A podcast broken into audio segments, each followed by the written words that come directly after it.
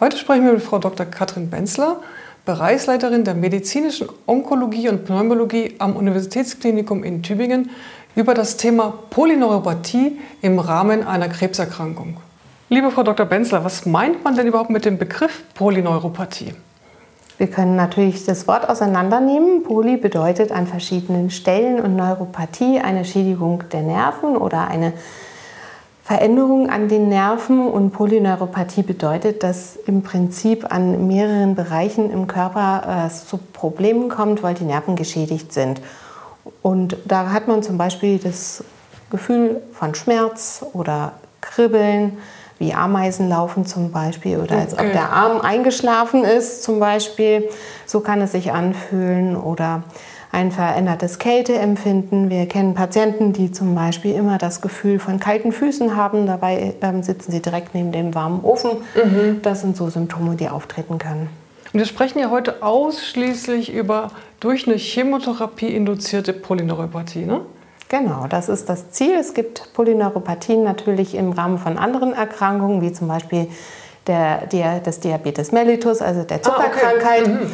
Aber wir wollen uns heute tatsächlich auf die durch die Chemotherapie bedingten polyneuropathischen Veränderungen, also Nervenbeschwerden kümmern. Anschauen. Ja, anschauen. Okay. Genau. Und ähm, jetzt haben wir ja auch gleich am Anfang gesagt, wir sprechen ja wirklich das nur für Leute, die im Rahmen einer Krebstherapie das mhm. erleben, also jetzt eben tatsächlich für die Diabetespatienten mhm. nicht.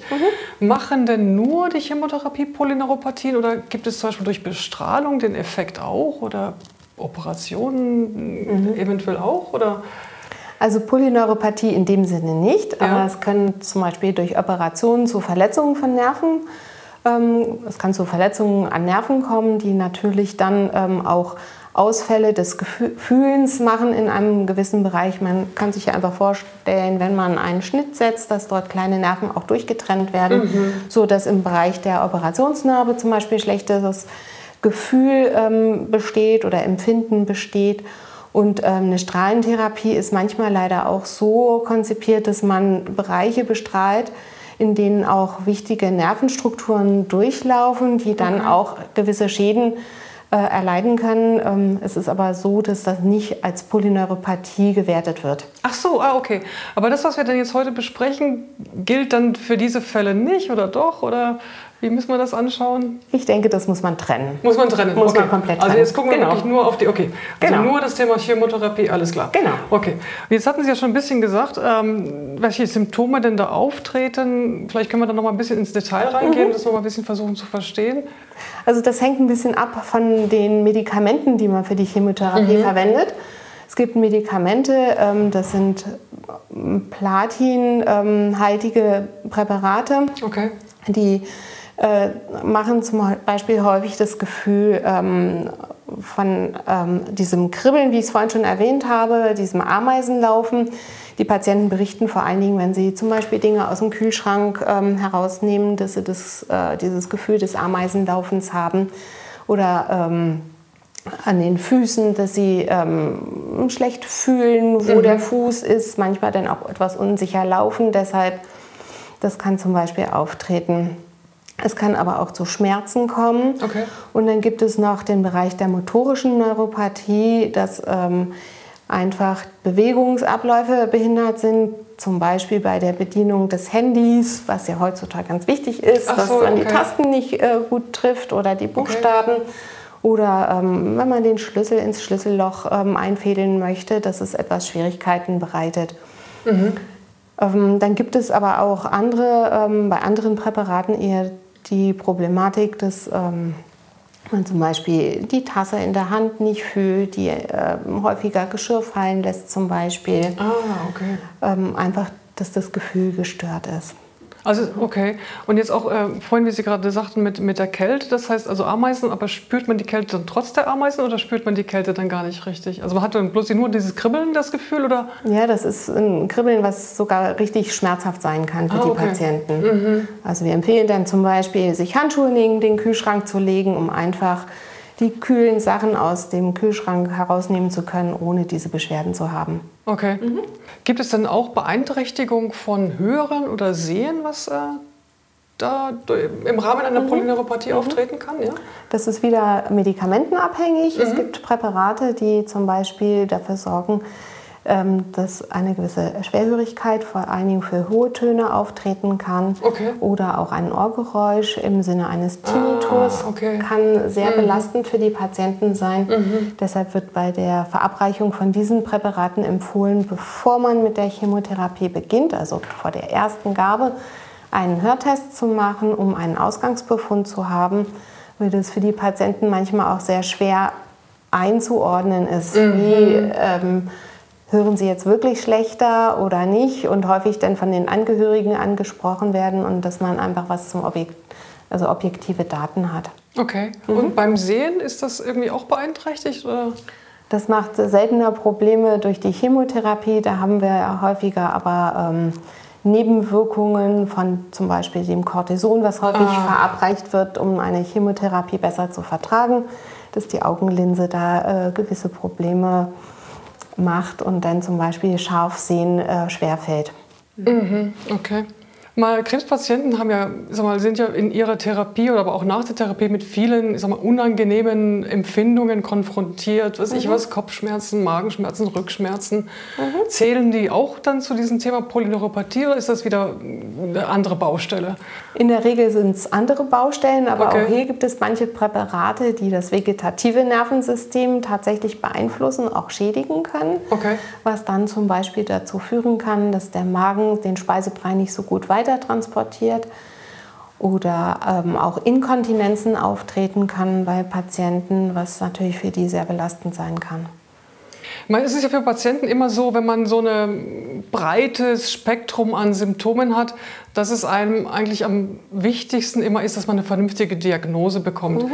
Und äh, von dem her wirklich mal die Frage, kann man Polyneuropathien so diagnostizieren, dass man dann nachher sicher ist, das ist es auch? Oder ist das auch so ein bisschen diffus in der Diagnostik?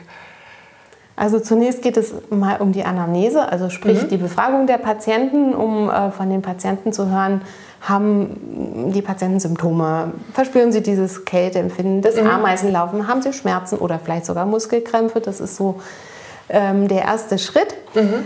Wenn wir da tatsächlich Hinweise haben, dann könnte man zum Beispiel die Nervenleitgeschwindigkeit in, unseren, also in einer neurologischen Abteilung zum Beispiel messen lassen. Ist, wie funktioniert das? Dann muss man irgendwie dass ich in den Nerven irgendwie abgreifen und, und, und messen oder wie funktioniert das? Wie muss Dann man sich das vorstellen? Elektroden auf den okay. ähm, über den entsprechenden Nerven platziert ah, und okay. äh, dann die Nervenleitgeschwindigkeit gemessen. Das ist eine recht oh, komfortable okay. Methode. Genau. Ja, okay. Mhm. genau.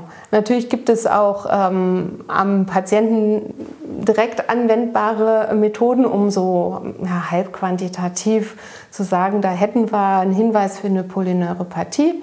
Dazu habe ich hier eine Stimmgabel mitgebracht. Oh, das gerne, ist ja, das eigentlich das, ähm, eines unserer Werkzeuge oder ja. vor allen Dingen das Werkzeug der Neurologen, um zu schauen, ähm, ob eine Polyneuropathie vorliegt. Man kann die sozusagen in Vibration versetzen ja. und dann auf ein Gelenk zum Beispiel ähm, halten.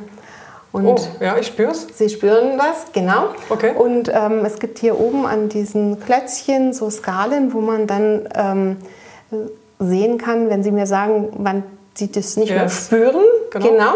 Und dann kann ich sagen, Sie haben zum Beispiel sechs Achtel ähm, gespürt und okay. hat Klingt. dann so ein bisschen semi-quantitativ okay. die Möglichkeit, das einzuordnen. Sechs Achtel klingt jetzt gar nicht so gut, um ehrlich zu sein. okay, machen wir nachher nochmal. Machen wir nachher nochmal, genau. okay. Weitere Möglichkeiten sind, äh, die Reflexe zu überprüfen. Da kennen Sie den klassischen Reflexhammer, den nutzen okay. ähm, wir Internisten ganz gerne, aber natürlich vor allen Dingen auch die Neurologen, die ja. uns da sehr unterstützen. Ähm, oder was jetzt auch möglich ist, um eine äh, Information zu bekommen, ob ein Unterschied zwischen dem Empfinden zwischen warm und kalt vorhanden ist, gibt es so mhm. äh, ja, Stäbchen im Prinzip und Sie können mir jetzt sagen, ist das warm oder kalt? Oh, das ist kalt, ja, kalt ist ja, schön. Wunderbar. Also das ist jetzt nicht so geeignet für Hochsommer. ja, genau. Okay. Mhm. Also da kann man mhm. zum Beispiel überprüfen, ob ein warm-kalt-Empfinden da ist mhm. oder auch, ähm, das sind so Mikrofilamente, da kann man einfach mhm. überprüfen, ob Sie das überhaupt spüren. Oh ja, doch, das spürt man. Aber es sieht fieser aus, als es tatsächlich sich anfühlt. Ja, das ne? ist einfach nur. Okay, ja. genau. Mhm. Und aber jetzt, wenn jetzt jemand tatsächlich sehr stark betroffen wäre von mhm. Polyneuropathie, das, wie wäre es dann? Würde er diese Dinge tatsächlich nicht spüren oder, oder kaum? Die würde er sehr wenig spüren. Okay. Also wir haben immer wieder Patienten, die tatsächlich dann in diesem Stimmgabeltest gar nichts spüren. Die Vibration überhaupt gar nicht spüren. Okay. Ja oder ähm, auch das Reflexe ausfallen, die man überprüft. Und okay. dann nehmen wir ähm, Kontakt mit den neurologischen Abteilungen auf, hier gerne mhm. mit unserer Neurologie, die uns da sehr hilfreich unterstützt dann. Ich glaube, das ist aber nochmal ein wichtiger mhm. Punkt, ne? weil das heißt ja im Klartext wirklich, dass jetzt eine Polyneuropathie ist, keine, ist nicht das Thema, wie empfinde ich oder wie fühle ich, sondern es ist ja wirklich dann faktisch ist der, Schmerz, der, der Nerv irgendwie geschädigt. Ne? Der Nerv ist faktisch definitiv geschädigt, okay. ja. Genau. Okay, das heißt, es ist also wirklich eine objektive Erkrankung. Erkrankung genau, es ist eine objektive Erkrankung. Mhm. Und es gibt auch, ähm, mhm. abhängig von den Präparaten, die Schädigung an verschiedenen Orten des Nervens. Ähm, einige Präparate ähm, schädigen eher so die Nervenknoten, andere Präparate die langen Nerven als solche und mhm. Ähm, teilweise werden auch die äh, sogenannten Isolierungen, also die Nervenzellen sind ja umgeben von anderen Zellen, die die so ein bisschen schützen. Ähm, auch diese Zellen können geschädigt werden, mhm. so äh, dass man dann wirklich ja, Missempfindungen zum Beispiel hat. Und diese drei unterschiedlichen Sorten der Schädigung machen wahrscheinlich auch unterschiedliche Symptome, oder wie? Unterschiedliche Symptome okay. und auch, wie gesagt, verursacht durch unterschiedliche Präparate. Mhm. Ah ja, okay. Mhm. Was gibt es denn noch für weitere Tests, um die Polyneuropathie zu diagnostizieren? Ganz einfache Dinge wie zum Beispiel den Patienten mal laufen lassen und okay. zu schauen, wie das Gangbild ist. Oder auch mal auf die Zehenspitzen zu stellen, mhm. dass er einfach mal sich hochstellt, um mhm. zu schauen, ob die Kraft da ist und die Nerven sozusagen die Signale dafür übermitteln ausreichend. Okay. Mhm. mhm. Und werden diese Tests immer wieder mal gemacht oder einmal gemacht? Wie, wie läuft das dann ab? Da muss ich tatsächlich sagen, ähm, wenn ein Patient uns berichtet, dass er neuropathische Beschwerden hat oder Gefühlsstörungen, dann mhm. ist es sehr sinnvoll, diese Tests zu machen. Aber es ist tatsächlich so, dass sie im klinischen Alltag nicht jedes Mal durchgeführt werden. Also die Frage, die sich mir zumindest aufstellt, ist, warum tritt denn überhaupt eine Polyneuropathie auf? Was, was wird denn da geschädigt? Was ist denn der Mechanismus, der denn dahinter steckt? Genau. Also das Chemotherapeutika sind ja im Prinzip Substanzen, die in höherer Dosierung schon auch ähm, ja, Zellen zerstören sollen oder schädigen sollen. Das ist ja der Sinn der Sache der Chemotherapie und Nervenzellen werden dort auch ähm, teilweise selber geschädigt, teilweise die ähm, Nervenkörper oder die langen Nervenstränge ähm, von den Zellen, die Axone. Mhm. Ähm, und wie ich vorhin schon kurz erwähnt hatte, gibt es ja so eine Isolierschicht um die Nerven drumherum. Das sind die sogenannten Schwanschen Zellen. Auch die können geschädigt werden. Und dann gibt es je nach Präparat auch die Möglichkeit, ähm, wenn ein Nerv ein Signal an einen weiteren Nerv gibt, da ist es ja alles ganz fein abgestimmt, aber dass in dieser ähm, ja, Übertragung Defekte auftreten können. Okay. Mhm. Wie ist es denn mit, ich sag mal, der, An der Dauer von diesen, von diesen Schädigungen? Gehen die dann auch mal wieder weg oder bleiben die da? Oder gibt es dann so eine Sorte, die weggeht und so eine Sorte, die da bleibt? Oder? Die komplette Bandbreite. Okay. Also mhm. wir haben Medikamente, die schon während des Verabreichens Probleme machen können. Mhm. Ähm, zum Beispiel ähm, manche ähm, platinhaltige Medikamente, wenn die zum Beispiel über einen Arm verabreicht werden, kann es sogar sein, dass während des Verabreichens an dem Arm Missempfindungen, Schmerzen auftreten können. Also die Infusion, dass ich die Infusion da reinlaufen lasse?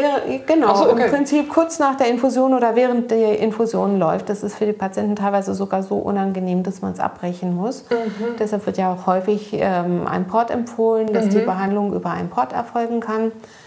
Ähm, die Beschwerden können kurz nach der Chemotherapie auftreten. Hatten wir schon ganz dramatische Fälle im Winter, dass Patienten äh, das Haus verlassen haben und durch die kalte Luft das Gefühl von Atemnot bekommen haben, wieder diese Kälteempfindlichkeit und dann unerfahrene Assistenten davon ausgegangen sind, das ist jetzt eine schwere allergische Reaktion. Dabei so. war das tatsächlich eine Nebenwirkung dieser Chemotherapie im Sinne einer Neuropathie, Chemotherapie-induzierten Neuropathie. Und diese Atemnot ist jetzt eine gefühlte Atemnot oder ist es tatsächlich so, dass diese Ja, das ist eher tatsächlich eine gefühlte Atemnot. Okay, aha. Genau. Aha. Oder ähm, Patienten berichten uns auch, wenn sie ein Eis essen, das zum Beispiel im Mund ganz unangenehm ist und oh. können dann nur ähm, vorübergehend äh, warme Getränke zu sich nehmen, mhm. bis sich die ähm, Symptomatik gebessert hat. Mhm. Diese häufig ist es so, je häufiger eine Chemotherapie verabreicht wird, ähm, desto mehr treten diese Symptome auf, desto länger dauert es auch, dass die wieder verschwinden. Ähm, und es kann leider auch sein, dass diese Beschwerden langfristig bestehen bleiben, mhm. das heißt gar nicht mehr richtig weggehen. Mhm. Ähm, und die Patienten dann eine chronische Schädigung durch die Chemotherapie leider erlitten haben. Oh, okay. Weil ja eigentlich unser Körper ja sonst so imstande ist, alles Mögliche zu reparieren, aber da gibt es dann Grenzen, also was dann noch reparabel ist, oder? Also im gewissen Sinne schafft der Körper auch da eine gewisse Regeneration. Mhm. Es ist tatsächlich so, dass Patienten nach einem halben oder nach einem Jahr tatsächlich nochmal berichten, dass diese Beschwerden wieder besser werden. Mhm. Das liegt einfach daran, dass die ähm, Nerven auch äh, wieder neu wachsen können und ähm, dann die Funktion des geschädigten Nervens übernehmen können. Mhm. Aber häufig ist es so, dass nicht die komplette ähm, Symptomatik verschwindet mhm. und tatsächlich eine dauerhafte äh, Problematik bestehen bleiben kann. Mhm. mhm. Da ist es vielleicht noch ganz wichtig zu erwähnen, wenn sich die ähm, Neuropathie, also diese Missempfindungen, ähm, nach einem halben Jahr nach Beenden der Behandlung weiter verschlechtern, dass man dann sehr hellhörig werden muss, ähm, dann muss man davon ausgehen, dass andere Ursachen ähm, zu suchen sind. Ah, so, natürlich. Ja, ja klar. Ähm, mhm. Weil es, mhm. ja, man hat ja den Eindruck, man kann das jetzt auf die Chemotherapie alles zurückführen, aber mhm manchmal ist es ja auch so, dass man zwei Erkrankungen hat und dann mhm. zum Beispiel ein Vitaminmangel vorliegt oder mhm. ähm, eine Zuckerkrankheit, die auch diese Nervenschädigung macht. Und man darf sich dann halt nach diesem halben Jahr nicht damit zufrieden geben, dass äh, dieser Patient ja irgendwann mal seine Chemotherapie hatte, mhm. sondern muss wirklich gezielt gucken, ob noch eine andere Ursache mhm. zu finden ist. Mhm. Und dann gibt es auch ähm, einen sogenannten Coasting-Effekt. Das heißt, gewisse Präparate haben die Eigenschaft, dass sogar nach Absetzen dieser Medikamente, dieser Chemotherapie-Medikamente, die Polyneuropathie noch bis zu drei Monate schlechter werden kann. Mhm. Deshalb ist es so wichtig, die Patienten jedes Mal zu fragen, ja. haben sie Beschwerden? Und für die Patienten ist ganz arg wichtig, uns davon auch zu berichten. Aktiv auch. Ne? Ganz aktiv ist total wichtig. Ja, ja, ja, genau. ja, ja, genau. Mhm, also auch wenn sie nicht gefragt werden, trotzdem berichten. Unbedingt. Ne? Okay, ja, das finde ich auch, ja, absolut. Und dann kommen wir eigentlich schon zu dem Thema so ein Motto, also Prävention äh, gegen eine Polyneuropathie bzw. Therapie. Also jetzt hatten wir ja schon ein bisschen gesprochen mhm. während der Chemotherapie. Was kann man denn da präventiv machen, um ja, vorzubeugen oder halt abzumildern? Mhm. Es ist sehr schwierig, da wirklich äh, vorbeugend etwas zu machen. Also es gibt jetzt keine Präparate, die man da einsetzen kann, also andere Medikamente in dem Sinne. Ähm, was man vorbeugend ähm, machen kann, die Patienten, wie gesagt, abfragen, ob Symptome bestehen wenn Symptome bestehen, muss man sehr gut über die ähm, Dosierung der Chemotherapie nachdenken. Okay. Ähm, gegebenenfalls auch im Abwägen des Nutzen und des Risikos, also sprich Nebenwirkungen, auch die Medikamente in ihrer Dosis reduzieren. Mhm. Da gibt es für bestimmte Medikamente ähm, auch äh, ja, Dosierschemata, die man anwenden kann. Mhm. Bei anderen ähm, Präparaten ist es ein bisschen auch Erfahrungssache, ähm, wie viel des Präparates man noch geben kann.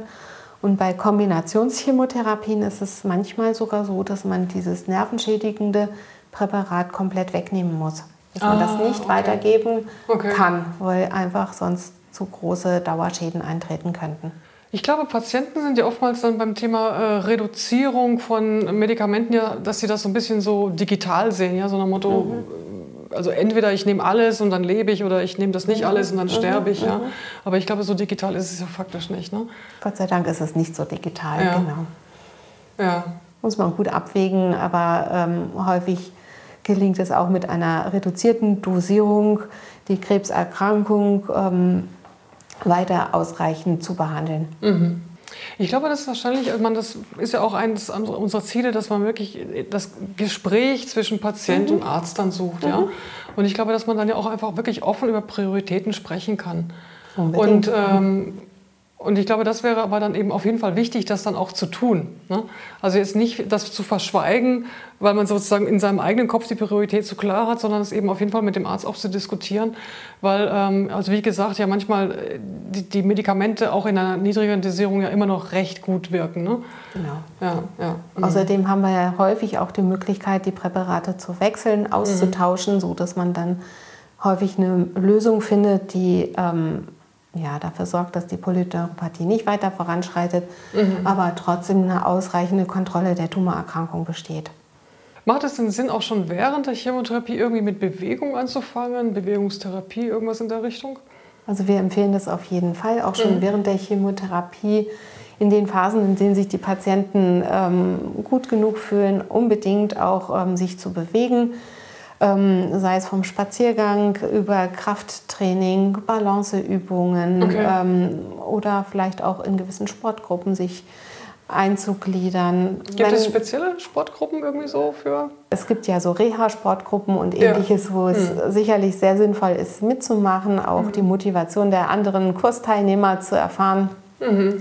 Mhm. Ähm, wenn man vielleicht sich da nicht so einbringen mag, gibt es auch die Möglichkeiten, Krankengymnastik, ähm, zu machen. Das ist mhm. sicherlich sehr positiv. Mhm. Mhm. Dann gibt es so im kleinen Rahmen noch Möglichkeiten ähm, zu versuchen, es ist jetzt nicht hundertprozentig wissenschaftlich belegt, aber es scheint doch für die Patienten einen Sinn zu machen, zum Beispiel ein Bohnenbad, also sprich einfach ein Gefäß mit trockenen Bohnen oder okay. Linsen zu füllen und ja. da mit den Händen die zu spüren. Wenn die Haut in Ordnung ist, geht das natürlich nur. Also wenn man Wunden hat an den Händen, sollte man es ja. nicht tun.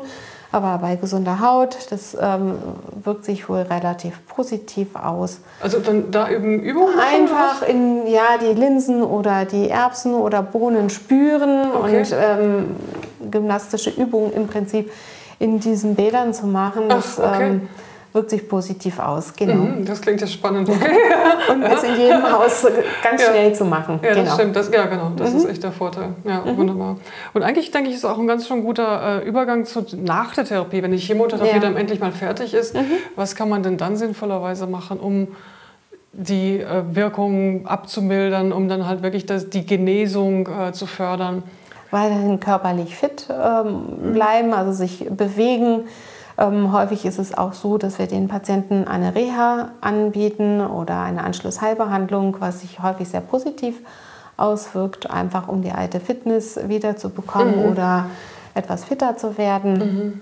Viele Patienten stehen ja auch noch im Arbeitsleben und wenn das für die Patienten sehr wichtig ist, ähm, vielleicht auch Arbeitsversuche zu machen, das ist ja auch Klar. häufig damit verbunden, dass mhm. man dann sich mehr körperlich bewegt und natürlich die ganze Breite ähm, vom Ausdauersport über Kraftsport ähm, oder auch andere, ja, mhm. von Yoga auszunutzen, mitzumachen, mhm. um einfach seine Muskulatur wieder zu stärken. Mhm. Einfach am Ball bleiben. Und äh, gibt es Medikamente oder Nahrungsergänzungsmittel, Vitamine, irgendwas, was Sinn macht? Oder ist das alles nur Geld in, zum Fenster rausgeworfen? Dann fange ich mal bei den Vitaminen an. Okay.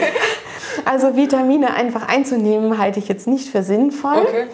Aber äh, es gibt gewisse Vitamine, wenn die im Körper in zu geringen Mengen vorhanden sind, dann wirken die sich sehr positiv aus. Aber mhm. das sollte vorher äh, in einer Blutkontrolle überprüft werden, okay. ob da Mangelzustände vorliegen und dann kann man ganz gezielt diese Vitamine ähm, ersetzen. Mhm. Okay. Das Thema Schmerzen und Schmerzlinderung, was, mhm. kann man, was kann man, was sollte man sinnvollerweise denn da nach der Therapie machen? Gut, dann ist ja wieder zu klären, kommt der Schmerz durch Tumor oder ähm, so Rezidiv oder ja, so? Ja, okay. Rezidiv.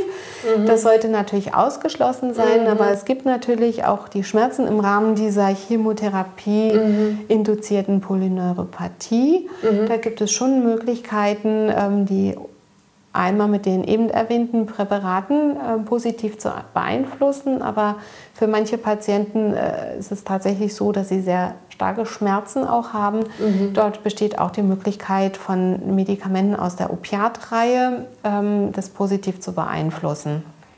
Und kann man die dann auch wieder absetzen oder ist das etwas, was einen dann wirklich ewig begleitet? Weil das ist ja dann schon, mhm. sag mal, harter Tobak, ne? Genau. Ich hatte es vorhin schon erwähnt, dass ja. sich häufig die Polyneuropathie auch im Laufe der Zeit wieder bessern kann, deutlich mhm. bessern kann. Mhm. Und dann ähm, ist es auch möglich, diese Präparate wieder abzusetzen. Mhm. Das heißt aber bei Opiaten nicht, dass man ähm, keine Beschwerden mehr hat und die dann gleich an die Seite legt, sondern die sollte man wirklich langsam ausschleichend absetzen, mhm. sonst kann es zu Problemen kommen und das bitte in Absprache mit Ihrem behandelnden Arzt. Ich wollte gerade sagen, das klingt mhm. sehr stark nach, das muss man dann definitiv mit dem Arzt die komplette genau. Story dann machen. Ne? Genau. Ja, genau. Mhm. Wenn dann die Betroffenen dann zu Hause sind und ich sag mal jetzt dann die Therapie und alles so hinter sich haben, was müssen sie denn selber noch bedenken oder was können sie denn selber noch machen, um ja, sich zu schützen? Oder weiter zu verbessern mit der Polyneuropathie. Okay, also jetzt fange ich vielleicht mal mit dem Schutz an. Mhm. Ähm, wenn das Wärmeempfinden zum Beispiel gestört ist, ähm, sollte man zum Beispiel, de, wenn man badet, das Badewasser mal die Temperatur vorher messen, nicht, dass ah, es zu okay. Verbrühungen kommen kann. Okay. Ja, mhm. oder ähm, das, was ich vorhin schon erwähnt habe, die berühmten Handschuhe, die neben dem Kühlschrank liegen, mhm. damit man, wenn man was Kaltes rausnimmt, nicht diese unangenehmen Ameisen Laufen, dieses mhm. unangenehme Ameisenlaufen hat zum Beispiel. Dann ist es wichtig, wenn auch die Motorik, also sprich zum Beispiel das Laufen beeinträchtigt ist durch ähm, neuropathische Beschwerden, dass man ähm, die Wohnung oder das Haus sich nochmal gut auf Stolperfallen hin anschaut, ähm, eventuell den einen oder anderen Teppich zumindest vorübergehend mal entfernt und mhm. schaut, dass äh, wenn Stufen sind, dass man ähm, die kennzeichnet, vielleicht auch noch optisch, dass man da nicht ähm, mhm. drüber stolpert und mhm. dann hinfällt, nicht, dass noch Schlimmeres passiert. Mhm. Ah ja, das, das klingt sehr sinnvoll. Ja. Mhm. Und dann ist es ja irgendwann mal alles ganz lange her und so weiter und so fort. Mhm. Ähm, kann man irgendwas noch sagen für Menschen, die jetzt da noch länger mit betroffen sind? Gibt es da irgendwelche Tipps noch, die man geben könnte? Oder muss man einfach sagen, hoffentlich gut, gut damit abgefunden, gut eingelebt in die neue Situation? Also das eine ist natürlich eingelebt in die neue Situation, mhm. aber natürlich ähm, würden wir diese Patienten dann auch in den neurologischen Abteilungen vorstellen mhm. mit der Frage, ob man doch eine medikamentöse Therapie machen kann, um die Beschwerden zu lindern mhm. oder auch weiter zu verifizieren. Natürlich geht es dann auch nochmal darum zu klären, gibt es andere Ursachen, die man vielleicht zusätzlich behandeln muss, um die Polyneuropathie ähm, im Verlauf positiv zu, zu, beeinflussen zum Beispiel. Okay. Mhm. Mhm. Vielen Dank, vielen Dank, Frau Dr. Benzler. Sehr gerne. Das war das Thema Polyneuropathie. Einerseits, woher es kommt, aber eben auch, was kann man präventiv tun, schon während der Therapie und auch nach der Therapie, welche Möglichkeiten gibt es. Ach ja, bitte geben Sie uns Feedback zu dieser Episode unten in den Kommentaren. Wir möchten unsere Angebote immer besser machen. Wenn Sie also konkrete Fragen haben und Sie bestimmte Themen besonders interessieren, lassen Sie es uns unter dem Video oder per Mail wissen. Und übrigens, abonnieren Sie unseren Kanal, dann verpassen Sie keine weitere Folge.